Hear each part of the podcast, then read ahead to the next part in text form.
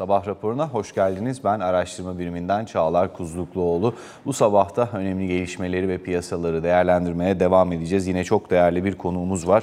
Ahlatçı Yatırım Araştırma Müdürü Sayın Barış Ürkün bizlerle. Barış Bey hoş geldiniz. Hoş bulduk. Merhaba Çağlar Bey. İyi yayınlar. Teşekkür ediyorum.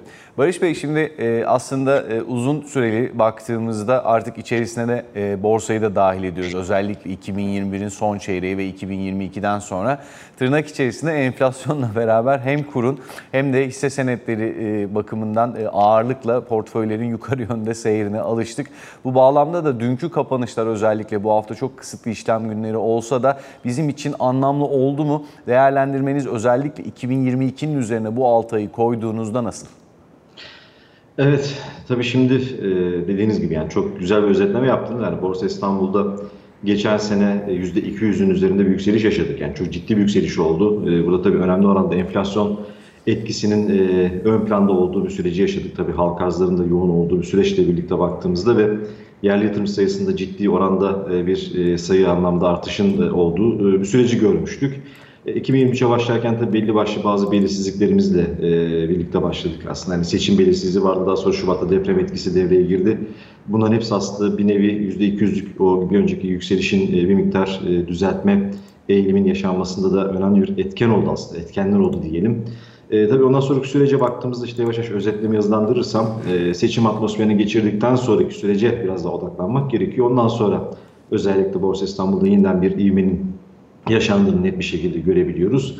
E, orada da tabii önemli olan nokta, e, yani bu da özetin sonuna gelecek olursak, e, ekonomi politikasında e, bir değişiklik e, sinyalinin net bir şekilde verilmiş olmasıyla birlikte bu aksiyonların e, devreye girmesi, işte geçen hafta Merkez Bankamızın e, faiz kararını gördük hep birlikte, işte 650 bas puanlık faiz artırımı ile birlikte e, toplantı metninde e, kademeli şekilde e, faiz artımlarının süreceği, aynı zamanda kademeli bir şekilde yine iki kez kademeli ifadesi geçiyor metinde, e, daha fazla işte para politikası sadeleştirme yönüne gidileceği noktasında açıklamalar gelmeye başladı. Bu bir miktar olumlu bir etki yarattığını herhalde söylemek gerekiyor bence. nitekim hafta sonu gelen kararlara göre baktığımızda da işte bankalara uygulanan yükümlülüklerdeki gevşeme hareketinde, aksiyonunda hafta başında işlemlerde etkili olduğunu herhalde söylemek lazım. E, ileriye dönük olarak baktığımızda Merkez Bankamızın politika metninde verilecek, e, verilmiş olan mesajların ileriye dönük olarak bakıldığında para politikasında hem faiz artırımı yönünde hem de işte yine atılacak adımlarla sadeleştirmenin devam edeceği yönünde adımların bir miktar etkili olduğunu söylemek lazım. E, dün baktığımızda bankacılık endeksi bu anlamda olumlu e, yönde hareket etti. E, ve aynı zamanda aslında sanayi endeksine de bakmak lazım. Orada da önemli bir yükseliş yaşandı. Hatta sanayi endeksinin yükselişi bankacılık endeksinden daha da yüksek oldu. Ee, ben baktığımızda da bu hafta kısa bir hafta. Bir buçuk gün, bugün yarım gün işlemler gerçekleşecek. Ama benim hani gördüğüm e, dün önden bir fiyatlama oldu. Yani bayram sonrası e, yine normal işlem günlerine başladığımızdan sonra ki süreçte e, bu hafta sonu gelen e, kararlar ve verilmiş olan mesajların bir miktar Borsa İstanbul tarafında risk iştahını bu anlamda herhalde yükselttiğini söylemek gerekiyor ve rekor seviyede yükseldi. Şu anda e, 5700'ün üzerinde bir kapanış yılbaşına böyle baktığımızda. O yüzden de e, endeks tarafında yönün yukarı olabileceğine ilişkin e, belirtiler şu anda hala devam ediyor diye herhalde e, özetleyebiliriz diye düşünüyorum. Barış Bey şimdi sene başından itibaren ne yazık ki e, zaman zaman e, belki gündemde e, kendine gerektiği önemi bulamıyor ama bir deprem felaketi yaşadık. Halen de bunun ehemmiyeti önemli. Bununla beraber borsada özellikle yurt içindeki yurt dışındaki gelişmelerin etkilerini izlediğimizden ilk çeyrekte özellikle çok bu önemi de kalmadı aslında konunun ama tabii işimizi yapmak durumundayız. İlk 6 ayın değerlendirmesini yaptığımızda belki ilk çeyrek çeyrekte bu konuştuğumuz konularla ilgili e, ne diyelim tabloyu e, bir yana koyduğumuzda e, çeyrek başından itibaren yani ikinci çeyreğin başından itibaren yönetmenimiz Umut Erol'dan da rica edelim. Şu anda ekrandaki grafikte yine o geçen sene alıştığımız görüntü en tepede bir Arjantin borsası var. Bu zaten apayrı bir konu %76 ikinci çeyrekteki yukarı yöndeki seyrinin performansı ama ikinci sırada yine BIST 30 ve BIST 100'ü görüyoruz. Siz hem sanayi endekse hem de bankacılığa dikkat çektiniz. BIST 30'un %21'lik senelik BIST 100'ün de %19'luk bir e, yukarı yönde performansı var. E, enflasyonla ilgili gelişmeler ve mevcut e, görünüm devam ettiği müddetçe biz bu tabloya 2023'te de alışmalı mıyız? Sanki öyle gibi gözüküyor. Yani e, zaten seçimden sonraki süreç için benim yorumum e, Borsa İstanbul'da yükselişin e, yeniden başlayabileceği ve oluşa, devamının gelebileceği şeklinde aslında e, oluşmaktaydı ve bu düşüncem hem gerçekleşmekle birlikte bu konudaki düşüncem de devam ediyor aslında. E, enflasyon etkisi bence önemli bir e, etken olmayı sürdürebilir diye düşünüyorum. İşte son e, işte 6 aylık periyot içerisinde baktığımızda aslında değerlendirmemiz gereken bir başka nokta da işte kur korumalı mevduat e, tarafında işte bazı işte faiz, faiz sınırlarının kaldırılmasıyla o taraftaki meblağın rekor seviyelere yükselmiş olmasının sonraki aşamalarında belki işte para politikasındaki sadeleştirme e, hamleleriyle birlikte bakıldığında buradan da yavaş yavaş bir e, geri dönüş yani kademeli bir şekilde aynı bir şekilde olmasa da e, bunun etkilerinin de yine e, geri dönüş olarak yani likiditenin hani borsa tarafına doğru tekrardan hani kanalize olması gibi bir etken de burada e, göz önünde bulundurmalı diye tahmin ediyorum ve bekliyorum bunu. Tabii burada enflasyon etkisi demin de bahsettiğim gibi ön planda kalmaya devam edebilir. Çünkü geçen sene bunu yaşadık ve bundan sonraki süreç içerisinde enflasyon konusunda verilecek mücadeleyle bir tabi kılırsa enflasyonun hala devam eden hani katılığı %50 seviyelerine doğru gitme potansiyelinin hala mevcut e, görünmesi e, bu noktada tabii yatırımcıları getiri arayışı içerisinde yine yani borsa tarafına doğru tekrardan yönlendirme eğilimi bence gösterebilir diye düşünüyorum.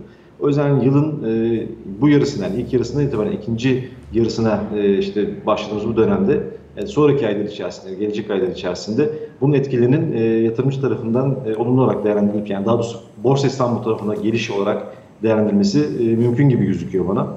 Diğer taraftan tabii de yabancı tarafı var. Yani bu ikinci yılın ikinci yarısı itibariyle kalan e, bu 6 aylık periyotta işte ne olacak? Yani burada e, verilmiş mesajlar işte ekonomi yönetiminin yeni bir soluk vermesi, bunların dışarıya yönelik mesajların ne yönde oluşa, oluşacağı da burada önemli olacaktır. Bir miktar yabancı takas sonunda kısmi de olsa bir kıpırdanma olduğunu aslında söyleyebiliyoruz. Yani %27'den %29'lara çıkan 2 puanlık bir yükseliş var. E, sonraki aylar içerisinde e, para politikasındaki normalleşme eğilimleriyle birlikte verecek mesajlar, ileri dönük sözlü yönlendirmeler eğer e, yabancı yatırımcı nezdinde bir e, değerlendirme e, noktasına gidilirse ben bunun e, da bir potansiyel yaratabileceğini, şimdilik bir miktarda beklemede kalınması gerektiğini bu konuda yani yorum anlamında biraz incelenmesi gereken bir süreç, beklenmesi gereken bir süreç, e, yapılacak olan açıklamalar, aksiyonlarla birlikte bakılması gereken bir süreç. Ama e, genel olarak bakıldığında Borsa İstanbul'un özellikle enflasyon etkisi olarak bahsettiğimiz noktadan hareket edecek olursak ve yurt dışı benzerleriyle olan karşılaştırmamızda hem bankacılığın hem aslında sanayi endeksi genel anlamda 100 endeksine göre de incelediğimizde e, değerleme oranlarında çarpanlarına göre değerlendirdiğimizde de yine potansiyel vaat ettiği bir süreç olduğu için yani ben bunun e, Borsa İstanbul nezdinde yukarı potansiyelin hala devam ettiği e, sonucunu çıkarabiliriz diye açıkçası düşünüyorum hala. Barış Bey dün e, şimdi yine terminalden rica edeyim yönetmenimizden e, bu e, grafiği TL bazlı göstermiştim. Şu anda TL bazlı evet 5700'ün üzerinde ama size de ben hemen tarif edeyim. 2020'lere girdikten sonra yarı yıl performanslarında biz yükselişe alıştık diyoruz. Dolar bazında geçtiğimiz yıl zaten çok önemli bir performans vardı. %100'ün üzerinde bir performans vardı. Yalnızca 2020'nin son ikinci yarısında ve geç geçtiğimiz yılın ikinci yarısında, birinci yarısında çok e, asgari bir yukarı yönde seyir var. Bunun haricinde yaklaşık olarak 5 e, e, yarı yılda e, aşağı yönde seyrettiğini görüyoruz. Tabi burada borsada bizim günlük olarak şu anda bantta gördüğümüz, takip ettiğimiz puantajdan ziyade dolar bazlı olduğunu tekrar hatırlatalım. E, bu noktada da az önce bir vurguda bulundunuz. Yabancı ilgisini de göz önüne alırsak halen e, cazip olduğunu e, söyleyebilir miyiz Borsa İstanbul'un? Şimdi dolar bazlı dediğiniz için endeksi ben de önünde de grafik görebiliyorum. Dolar bazlı ben de açtım. Ee, yani mesela dolar bazlı bakarsak net bir şekilde aslında düşüş kanalı var ve düşüş kanalının alt bandına değerek e, oradan sektiği bir görüntü var şu anda dolar bazlı grafikte. Yani bu aslında bir sinyal veriyor. Teknik olarak baktığımızda bunu söylemek gerektiğini düşünüyorum ben. Yani o yüzden hani bu kanal içerisinde tekrardan yukarı yönlü hareket e, son 2-3 günde e, tekrardan oluşmuş e, gibi gözüküyor. Tabii hani kurun hareketi burada önemli olacaktır. Kurun yukarı yönlü seyrinin devam etmesi durumunda tabii dolara bazda bakarsak bunun biraz daha yukarı hareketinin sınırlı kaldığını belki düşünebiliriz ama genel eğilimde bakarsak ben yabancı tarafındaki ilginin artması durumunda bu tarafında yukarı yönlü hareket etme eğiliminin olabileceğini açısı düşünüyorum. Ama teknik olarak ilk etapta bakmak istedim.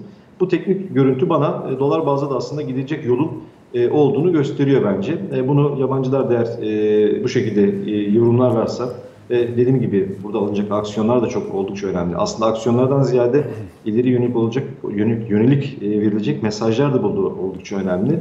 Yani şimdilik bakılırsa piyasaları çok fazla sarsmadan kademeli bir şekilde daha normalleşmeye yönelik bir para politikası sinyali verilmiş gibi duruyor. Ve bunda devamının geleceği şu anda biraz daha baktığımızda değerlendirmemiz gereken bir durum. E, bu noktada yabancı ilgisi e, gelirse dolar bazlı grafikte de belki bu teknik görüntüde yukarı hareketinde devamı gelme ihtimali olabilir diye herhalde söylemek lazım. Barış Bey, e, dünyadaki ve Türkiye'deki dinamikler ekseninde şimdi borsayı konuştuk. Biraz da e, kuru konuşalım. E, burada da yine borsada ben zaten bugün sabah sözlerime başlarken de onu ifade etmiştim. Kur, enflasyon ve borsa bunların yukarı yöndeki seyri bizim için olağan hale geldi diye. Şimdi burada 98'den 2001'e kadar olan süreçteki tablonun aslında bir nevi yakını diyelim. 2020'lere girdikten sonra yalnızca şu kırmızılardaki 7 ayda kurun yükselmediğini görüyoruz görüyoruz. Bu sabah itibariyle de dolar TL'nin şu anda 26 seviyesinin, euro TL'nin de 28.40 seviyesinin üzerinde olduğunu söyleyelim. Bu gözle baktığımızda e, kurda e, bir nevi özellikle KKM sonrasında önceki e, birkaç aydaki 2021'in sonundaki oynaklığın e, bir nevi e, kademeli olarak azalarak bir miktar daha dengeli haline geldiğini görüyoruz. Dünyada da gelişmiş ülke para birimlerinin de dolara karşı değer kaybettiği bir süreç vardı ama değer kazanımlarına da e, geçildi geçildiğini izledik. Kurda e, önceden özellikle 2021'in sonunda yaşadığımız oynaklıklar artık geride mi kaldı görüşünüze göre ve doların e, pozisyonunu düşündüğünüzde tüm para birimlerine karşı TL'nin konumunu nasıl görüyorsunuz? Evet.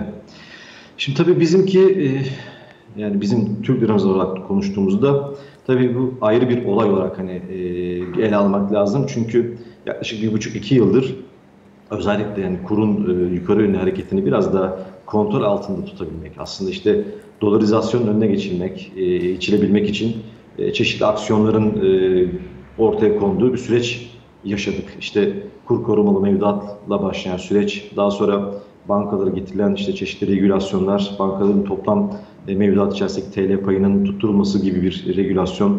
E, bunların hepsi aslında dolarizasyon önüne geçilmesi için atılmış bir adımdı aslında.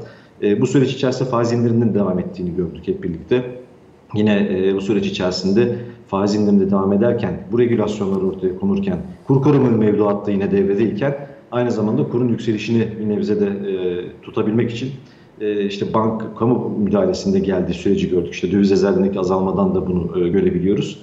Tabii sonuç itibariyle baktığımızda bunun e, yani çok fazla hani e, işte özellikle ihracatçı tarafa, hani turizm e, kesimine, sektörüne çok fazla yaramadığı bir e, periyotta yaşanmış oldu. O yüzden seçim sonrası e, yine döneme dönecek olursak yani baktığımızda verecek, verilmiş olan mesajların aksiyonlara e, dönmesiyle birlikte işte faiz arttırımı her ne kadar işte beklentinin altta kalsa da kademeli vurgusunun e, yapılmasıyla birlikte devamının geleceği beklentisinin olduğu bir süreç içerisinde bankalara uygulanan regülasyonların da yavaş yavaş kaldırılmaya doğru gidilmesi ve bununla birlikte kurun üzerindeki müdahalenin de bir miktar gevşetilmesi gibi bir sürece girmiş olduk. E, bu aslında istenen ve beklenen bir e, süreç içerisinde yaşanmış bir periyot olarak bakmak lazım buna. O yüzden kurdaki hareketi de e, dalgalama boyutunun belki bundan sonraki süreçte bu verilmiş olan mesajlarla birlikte bakıldığında e, biraz daha düşeceği bir süreç yaşanabilir. Yani bu aslında yani 22 Haziran'dan sonraki sürece baktığımızda 22 Haziran faiz kararı, hafta sonu gelen açıklamalar ve kararlar ve bunların akabinde bunların aynı şekilde kademeli bir şekilde devam edeceğine yönelik e, yeni aksiyonlar gelmesi durumunda belki de kurdaki oynaklığın yine düşüş yönünde hareket edeceği bir süreç yaşayabiliriz diye düşünüyorum. Ama bu beklenen bir süreçti. Yüzde işte oynaklık tarafına bakarsak işte e, hem kur tarafındaki harekete pardon bakarsak 25-26 seviyeleri yani beklenen seviyelerdi ve istenen yerlerde aslında bakıldığında oralara doğru geldikten sonraki süreç içerisinde ben kurda e, tam anlamıyla kontrolün kaldırılmayacağını, e, işte yaklaşan yine yerel seçimler öncesinde e, kademeli şekilde bir e, normalleşmeye gidilirken kur tarafındaki kontrolü yine göz önünde bulundurulacağı bir süreç olabileceğini tahmin ediyorum. Bu aslında oynaklığın yine önüne geçebilecek bir süreç de olarak karşımıza çıkabilir. Yani dediğim gibi hem kademeli normalleştirme hem de kurun tam anlamıyla müdahalesinin bırakılmayacağı bir süreç içerisinde kurun bu seviyeler üzerinde biraz daha belki yukarı hareketle 26-27 seviyelerini görüp denge bulması belki gündeme gelebilir. Bu şekilde olursa da oynaklığın çok yükselmediği bir süreç e, yaşanabilir gibi açısı tahmin ediyorum ben. Barış Bey, e, açıkçası son dönemde tahmin ediyorum siz de e, artık e, ekonomiyle ilgilenen bir şekilde herkesin ya kulağına çalındı ya da kendileri artık gördüklerinden dolayı takip etmeye başladı. Davranışsal finans, davranışsal ekonomi. Aslında davranışsal ekonomi gibi bir çatı başlık atılmasa da insan bilinci, bilinçaltı bir şekilde bir zihinsel muhasebe hatta algı diyebileceğimiz konulara gebe böyle canlılarız. Şimdi bu açıdan baktığımızda ben aslında dolar TL'yi sordum size. Borsada da yine aynı şeyi konuştuk ama ben e, kurumsal hayattan işte medyaya geldim yaklaşık iki sene önce. E, yaptığım işlere baktığımda da e, son dönemde enflasyonla ilgili konuştuğumuzda işte konutların, otomobilin, efendime söyleyeyim elimizde tuttuğumuz ne varsa yani şu önündeki bardağın da fiyatındaki değişimler bizim kafamızda o zihinsel muhasebede algıladığımız hatta işte davranış ekonomi, finansta bunların adları var. Bir takım kodlamalara gebe oluyor. Şimdi kurla beraber e, baktığımızda özellikle borsadaki seyircilerimizden de özellikle holdinglerle ilgili siz biraz önce fiyatlamadan bahsetmiştiniz. Tıpkı bu verdiğimiz örneklerdeki gibi e, onların yaptığı işe paralel ve bir de tabii ki sayısal anlamda e, değişimler yaşandı 3 senede. Dünyada da aslında böyle örnekleri gördük. Fiyatlama açısından baktığımızda Türkiye'de önemli stratejik şirketlerin 2020'lerde e, daha da potansiyelinin olduğunu düşünüyor musunuz? Hem e, küresel bazda dolar bazıyla baktığınızda hem de yaptıkları iş bakımından. Şimdi tabii e, bu noktada evet söylememiz gereken şey ihracat e, tarafında yani ihracat odaklı çalışan şirketler açısından biraz değerlendirmemiz gerekiyor. Tabii demin de bunu bahsettik az önce yani e, kurun e, belli başlı yaklaşık seçim öncesi döneme dönecek olursak işte 19-20 seviyelerinde tutulduğu dönem itibariyle bakarsak aslında her ne kadar TL e, dolar karşısında son zamanda değer kaybı yaşasa da son bir yıllık e, periyot içerisinde değerlendirdiğimizde e, bunun sabit e, kalması özellikle işte Avrupa ekonomisinin durgunlaştığı e, dönemde ya da mesela Çin ekonomisinin toparlanamadığı bir dönem içerisinde bunun Avrupa'nın etkilenmiş olması, bizim önemli ihracat pazarımız olması e, nedeniyle e, Avrupa ekonomisini etkilemesi, bunun da bizim ihracat performansımız, performansımız üzerinde olumsuz bir etki yaratması gibi bir sonuç ortaya çıkmaktaydı. o yüzden hani baktığımızda hani kurun hareketinin normalleşme adımlarıyla birlikte bir miktar yani müdahalesinin biraz da serbest bırakılması, bu beklentilerin ortaya konmasıyla yaşanan süreç içerisinde kurun 26 seviyene kadar yükselmiş olması aslında bu anlamda ihracatçı şirketleri biraz daha yani rahatlatan bir sonucu ortaya çıkartabilir gibi tahmin ediyorum ve düşünüyorum ben. E, tabii burada e, tabii aslında sadece dolar TL hareketi açısından değil demin de bahsettiğim gibi global ekonomik konjonktürün de e, bu noktada ne yönde e, ilerleyeceği önemli bir e, faktör e, diye değerlendiriyorum ben. Aslında bundan sonraki süreç içerisinde e, yani Merkez Bankamızın atış adımlar ve ekonomi politikasındaki sadeleştirmeyle birlikte kurun belli bir düzeyde e, stabil seyretmesi yükselişinden sonraki süreç içerisinde hem fiyatlama davranışları açısından bakıldığında daha rahat bir e, alan sağlayacaktır şirketler açısından hem de ihracat odaklı şirketler açısından bakıldığında da bu seviyelerin biraz daha rahatlatıcı seviyeler olması nedeniyle e, global ekonomik konjonktür de izin verirse bundan sonraki süreç için ihracat şirketler için daha kolay bir hareket alanı e, sağlar gibi açısı düşünüyorum. Yani bu yönden biraz belki yorum yapabiliriz diye söylemek istedim. Barış Bey biraz da e, Türk halkının ne diyelim en e, geleneksel ve en çok güven duyduğu e, unsurlardan biri olan e, değerli metallere. Tabi altın geliyor akla ama son dönemde artık gümüş de e, orada e, altına yaklaştı konum olarak. Bakarsak e, özellikle kurun etkisiyle ki e, burada müsaadenizle ben de bir parantez açayım. E, ben de hani sizin gibi e, sahada çok gördüğüm için Türkiye'de hala şununla ilgili ciddi bir bilgi eksikliği olduğunu görüyor ve gözlemliyorum. Altının fiyatını belirleyen ons altın altın ve kur. E, burada e, ons altın ve kurdan bağımsız bazen e, yorumlar görüyorum, okuyorum. Bunu da tekrar hatırlatalım. Şimdi ons altında e, uzun bir süre aslında e, 2000 doların üzerine 4. 5. gelmesinde önceki testlerini baz alırsak eğer ısrarcı e, kalabildiğini gördük son e, denemesinde. Bunun altına geldi. Bu kez 1950'lerde bir önemli e, direnci oldu. Baktığımız zaman bunun da altına geldiğimiz görüyoruz artık. Hatta 1930-1920 dolarların. Ama gram altında tıpkı az önce borsa ve dolar TL için konuştuğumuz gibi dolar TL'nin etkisiyle genel olarak insanlar yükselişe alıştı. Bu noktada ons altın tarafından başlayarak Portföyde hazır e, Harry Markowitz'i de e, geçtiğimiz günlerde yitirdik modern portföy teorisi anlamında. Onu da anarak belki e, bu senenin beklentilerini ve sizin bakış açınızı dinleyebiliriz sizlerden.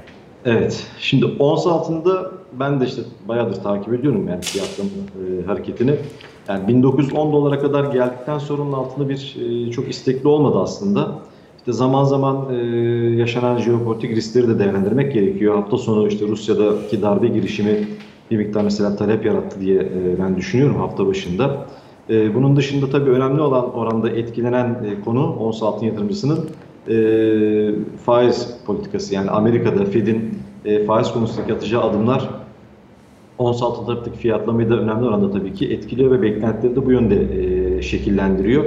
İşte son faiz artırım kararı gelmedi ama ileriye yönelik olarak e, Powell'ın verdiği mesajlar ve işte son FED yetkilinden dün de gelmiş bazı açıklamalara bakarsak yani para politikasında hala sıkılaştırma yapma e, durumunun olması gerektiğini söylüyorlar. İşte %4 enflasyon hedefin hala üzerinde. E, bu da yani Fed'i harekete geçiren bir e, nokta hala e, faiz arttırımı konusunda. Ama bu konuda benim e, değerlendirmem yani Fed'in e, ileriye yönelik olarak yine artan resesyon riskleri, işte verim eğrisinden baktığımızda oluşan o resesyon görüntüsünün değerlendirmesi gerektiği ve o yüzden de e, evet belki bu geçen toplantı faiz arttırmadılar ama önümüzdeki toplantı bir faiz arttırımı belki bir faiz arttırımı daha yapıp ondan sonraki süreçte e, faiz arttırımlar artık ara vereceğini e, düşünüyorum ben Fed'in. Daha sonraki süreçte biraz da izlemede kalabileceğini düşünüyorum. Bu bence ons altın açısından bakıldığında hem işte jeopolitik riskler açısından zaman zaman fiyatlama hem de bu faiz politikasındaki artırım e, hikayesinin yavaş yavaş sonuna gelinebileceğine ilişkin fiyatlamanın önden bir e, etkisini belki görebiliriz. O yüzden 1910-1900 doların altına doğru inme isteği göstermeyen bir ons altın hareketi var. Aslında ons altına bakarsak tekrardan geri dönüp yani Mayıs ayında bir 2065 seviyelerini görmüştü.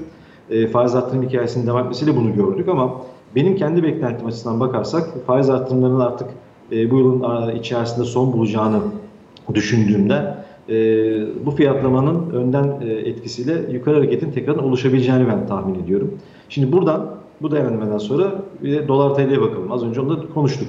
Yani 26-27 seviyeleri e, şu an için iyi gözüken seviyeler gibi duruyor.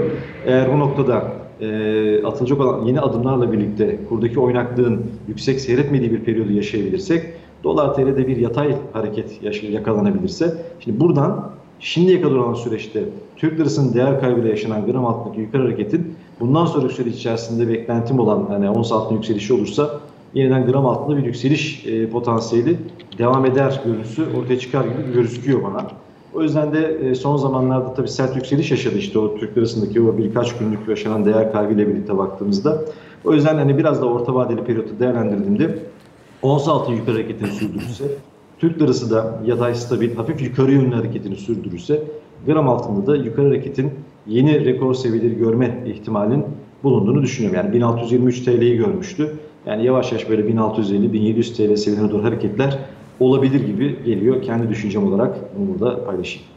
Barış Bey hazır Fed'in sözünü geçirmişken burada kısa bir ara verelim. Aradan sonra da biraz küresel görünümde özellikle merkez bankaları sonrasında piyasaların seyrini konuşalım. Kısa bir ara.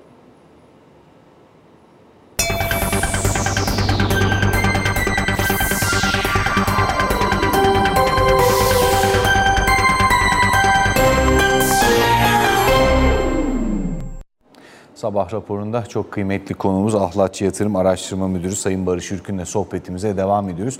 Barış Bey e, yani benim çocuğum yok ama e, çocuklar bazen çok güzel e, sorular soruyor. Dün de bununla ilgili güzel bir done yakaladım ben de. Şimdi VIX Endişe Endeksinde salgın sonrası en düşükte tablosuyla karşılaştık. Terminal grafiğimizde hatta yansıtabiliriz. E, bu noktada e, çocukların sorularıyla ilgili de e, bağlayacağım nokta şurası. E, dün bir tane e, varlık sınıfıyla ilgili burada konuştuğumuz konular ekseninde neden çıkar neden düşer diye. Şimdi aslında bunun bizim aklımızdaki kitabi nedenleri bellidir ama yani e, büyümede sorunların olduğu bir ortamdan bahsediyoruz. Tamam yapay zeka ile ilgili özellikle bir hareketlilik var. Bunların değerlemeleri önümüzdeki sürece ilişkin borsalarda bir miktar bir direnç sağlıyor olabilir ama çok da e, dünyanın parlak bir dönemden geçmediği süreçte evet salgın artık belki bu bayram en rahat girdiğimiz ülke olarak dünyanın da 2023'ün yarısı itibariyle e, önemli ölçüde rahatladığı bir dönem ama çok da yolunda gitmeyen işlerde neden hisse senedi piyasalarında bir sakinlik e, bu kadar öne çıkmış vaziyette hele hele 2020'lerin e, başını düşündüğümüz ölçekte? Evet yani burada e, yine aslında baktığımızda hani enflasyon e, ona karşılık olarak işte faiz artırımları hemen akabinde tekrardan faiz artırımı çok yaptık. Tekrar duralım faiz indirimine gidelim. Aslında birçok karışık seyir e, göz önünde bulundurmak lazım. İşte bir taraftan ekonomik aktivitenin yavaşladığı bir süreç. Ama dediğiniz gibi teknoloji odaklı şirketlerin e, yine ön plana çıkabildiği bir e, dönem ve periyot. E, bu dalgalı süreç içerisinde e, yatırımcıların aslında tercihlerinde e, yine e, portföylerinde senedi olabiliyor. E, yani burada değerlemelere baktığımızda cazip olan şirketler yine e, ön plana çıkabiliyor. Belli başlı kazanç e, tahminlerini yayınlayan şirketlerin yine e, ileri dönük beklentilerine ilişkin olarak da şirketler e, değerlendirme e, yönüne gidilebiliyor yatırımcılar tarafından. E, bunlara biraz odaklanmak lazım diye düşünüyorum. E, faiz artımları konusunda baktığımızda da şimdiye kadar mesela FED bunca faiz artımını yaptığı işte enflasyon hala hedefin e, üzerinde e, seyrediyor. Enflasyon etkisini yarattığı belki bir miktar e, yine hisse senetleri olan eğilimin sürdüğünü belki de görmek gerekiyor. Evet bir resesyon etkisinden bahsedilebiliyor ama yine de aslında baktığımızda önemli olan da şimdilik bir resesyon hikayesinin hala gündemde olmadığı, hani bekleniyor ama şimdiki verilere baktığımızda çok büyük bozulmaların olmadığı bir süreç bu noktada yaşanıyor ve aynı zamanda aslında baktığımızda dünyada hala aslında bol miktarda bir likitte var ve bu likittenin de e, değerlendirmesi e, gerekiyor. O yüzden de e, bu çerçeve içerisinde çok büyük majör anlamda bir risk dünya genelinde olmadığı müddetçe de yatırımlar hisse senetleri üzerinde de değerlendirilebiliyor diye düşünüyorum ben. Yani bu açıdan bakmak lazım. E, sonraki süreçlere bakarsak tabii belirsizlikler var mı dersek hala var. Yani faiz artırımları devam edecek ve ben yavaş yavaş bunların da FED tarafından az önce bahsettiğim gibi işte sonuna geldiğini tahmin ediyorum. E, sonraki sürece baktığımızda yeniden e, bir duranlaşma, yeniden bir faiz indirim politikası fiyatlaması tekrardan gündeme gelebilir. Bunun önden fiyatlamaları yine e, gündeme gelebilir. Bunların etkisinin de yine e, risk varlıklar üzerindeki pozitif fiyatlama etkisini belki görme ihtimalimiz olabilir diye tahmin ediyorum. Yani bu açılardan herhalde bakmak lazım. Dünya genelinde şu anda devam eden az önce bahsettiğim gibi likiditenin hala e, bu açılardan hisse senedi üzerindeki değerlendirme etkisini herhalde göz ardı etmemek lazım. O açılardan da bakarsak çok ciddi anlamda bir aslında şunu da eklemek gerekiyor. Jeopolitik bir risk, e, dünya üzerinde büyük bir savaş riski e, olmadığı müddetçe de e, bu taraftaki eğiliminde e, olduğunu ve bunun da ciddi manada bir satış baskısı yaratmadığını şu anda herhalde e, eklemek lazım, söylemek lazım. Yani çok majör bir para politikası değişikliğine gidilmiyor. Bence bu yüzden de biraz e, yatay seyirler buradan da belki yorum çıkarılabilir diye herhalde söyleyebilirim.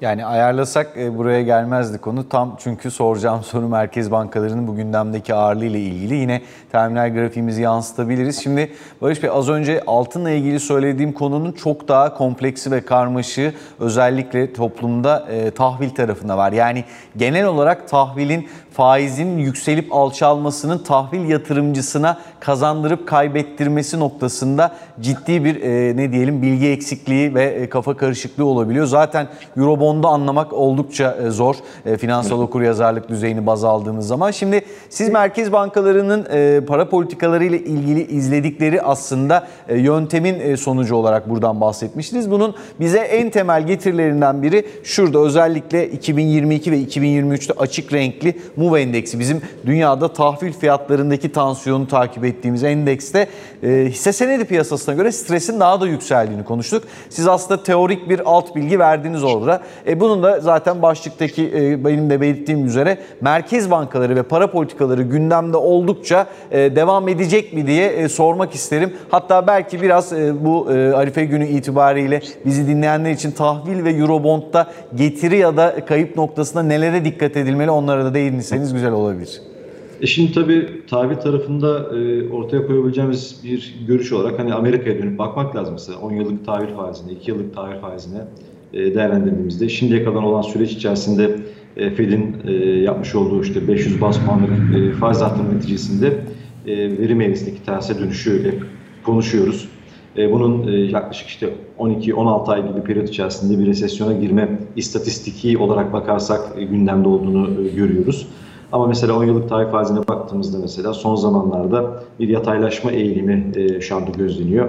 Yani 3.85'in %3.85'in üzerine çıkmayan aşağıda da e, aslına bakarsak yani %3'ün altına çok inmeyen yani %3.5 civarında dolaşan bir e, faiz gör, görüyoruz bu noktada. İşte aslında şirketler açısından bakıldığında faizlerin e, seyri e, iki noktada etkiliyor. Hem yani risk vakti üzerinden baktığımızda tahvil faizindeki yükselişler e, şirketlerin değerlemesinde e, aşağı düşürücü bir etki yarattığı için e, bu e, işte FED eğer faiz artımlarına devam edecek olursa daha da sert bir faiz artımı yapacak olursa tahvil faizini yukarı yönlü hareket ettirme eğilimi göstereceğinden şirketlerin değerlemeni, değerlemelerini aşağı çekecek bir e, unsur olacak diye e, yorumluyoruz. O açıdan hani baktığımızda e, Fed'in e, yani faiz artımları konusunda durması ilk etapta işte artırmaması sonrasında faiz artırımını düşünecek olsa da yine kendi düşüncem olarak bahsetmek lazım. İşte faiz artımlarında sona gelebileceği, indirim belki olmayacaktır bu yıl ama faiz artımlarını durduracağı daha sonrasında tahvil faizlerinde tekrardan belki de aşağı yönlü hareketler e, yaratma e, durumu ortaya çıkartabilir. Yani bu noktada evet faizlerin e, aşağı gelmesi, yukarı doğru hareket etmesi tabii ki e, yatırımcının da getirisi anlamında, tahvil getirisi anlamında da tabii dalgalanmalar yaratacak. E, bu faizler, bu faiz seviyesinden e, alan yatırımcı e, faizler e, aşağı doğru geldiğinde kazanç sağlamaya başlayacak. Yani yukarı doğru gittiğinde de tabii ki bu faiz seviyesinden tahvil alan yatırımcının da e, zarar etmesine neden olacak diye herhalde yorumlamak lazım. O açıdan hani dünya genelinde e, baktığımızda hani Fed'in atacağı adımlara bağlı olarak ve yurt içine dönüp baktığımızda da bizim atacağımız adımlara bağlı olarak faizlerdeki değişkenliği takip etmek lazım. Yani bizim tarafa baktığımızda da aslında şu andaki verim eğrisi %13, %15 seviyelerinde hareket ediyor ve e, önümüzdeki süreç içerisinde eğer faiz politikası e, artırım yönünde ilerlerse e, faizlerde de yukarı hareket etme eğilimi de gündeme gelebilir. Aslında bu bu faiz seviyesinden yatırım yapmış olanlar için getiri kaybı anlamına gelebilir aslında diye bakmak lazım. Bu şekilde yorumluyorum aslında. Yani önümüzdeki dönemde yurt dışı piyasa açısından bakıldığında hem bankalardaki regülasyondan azaltılması hem de Merkez Bankamızın faiz artım sürecini devam ettirmesi faizlerdeki yukarı hareket anlamına da gelebilir. E, bu açıdan da biraz yatırımcıların dikkatli olmasında fayda var diye eklemek lazım. Barış Bey son 4-5 dakikamız burada e, bir miktar artık ne diyelim e, şey konulara girelim istiyorum. E, biraz daha spesifik. Geçtiğimiz günlerde bir makalede görmüştüm. Birkaç konuğumuza daha sormuştum. Şimdi bu kadar denklemin zorlaştığı, ortalama bilgiyle bir miktar artık birikim yapabilen insanların sıradan yurttaş olarak kendi kaynaklarını değerlendirmesinin zorlaştığı bir ortamda iyi risk yani e, makalede iyi risk diyordu buna. E, şu zaman dilimi içerisinde yurt içi piyasalar ya da yurt dışı piyasalar gözüyle düşündüğünüzde neler geliyor aklınıza? İyi riskler var mı şu anda alınabilecek? İyi risk. e, yani baktığımızda yatırım tavsiyesi anlamında ya da yatırımlar anlamında yönlendirilmesi anlamında e, iyi risk olarak değerlendirdiğimizde ne olabilir diye herhalde ona bakmak lazım ilk etapta. E tabii şimdi e, bizim tarafa dönüp baktığımızda e, işte 22 Haziran Merkez Bankası para politikası kararından sonraki süreç için değerlendirmek gerekiyor biraz. İşte ortodoks politikalara e, kısmen e, geri dönüş eğilimi, e, bunun yaratacağı etki bir pozitif, iyi risk olarak belki e, değerlendirilebilir.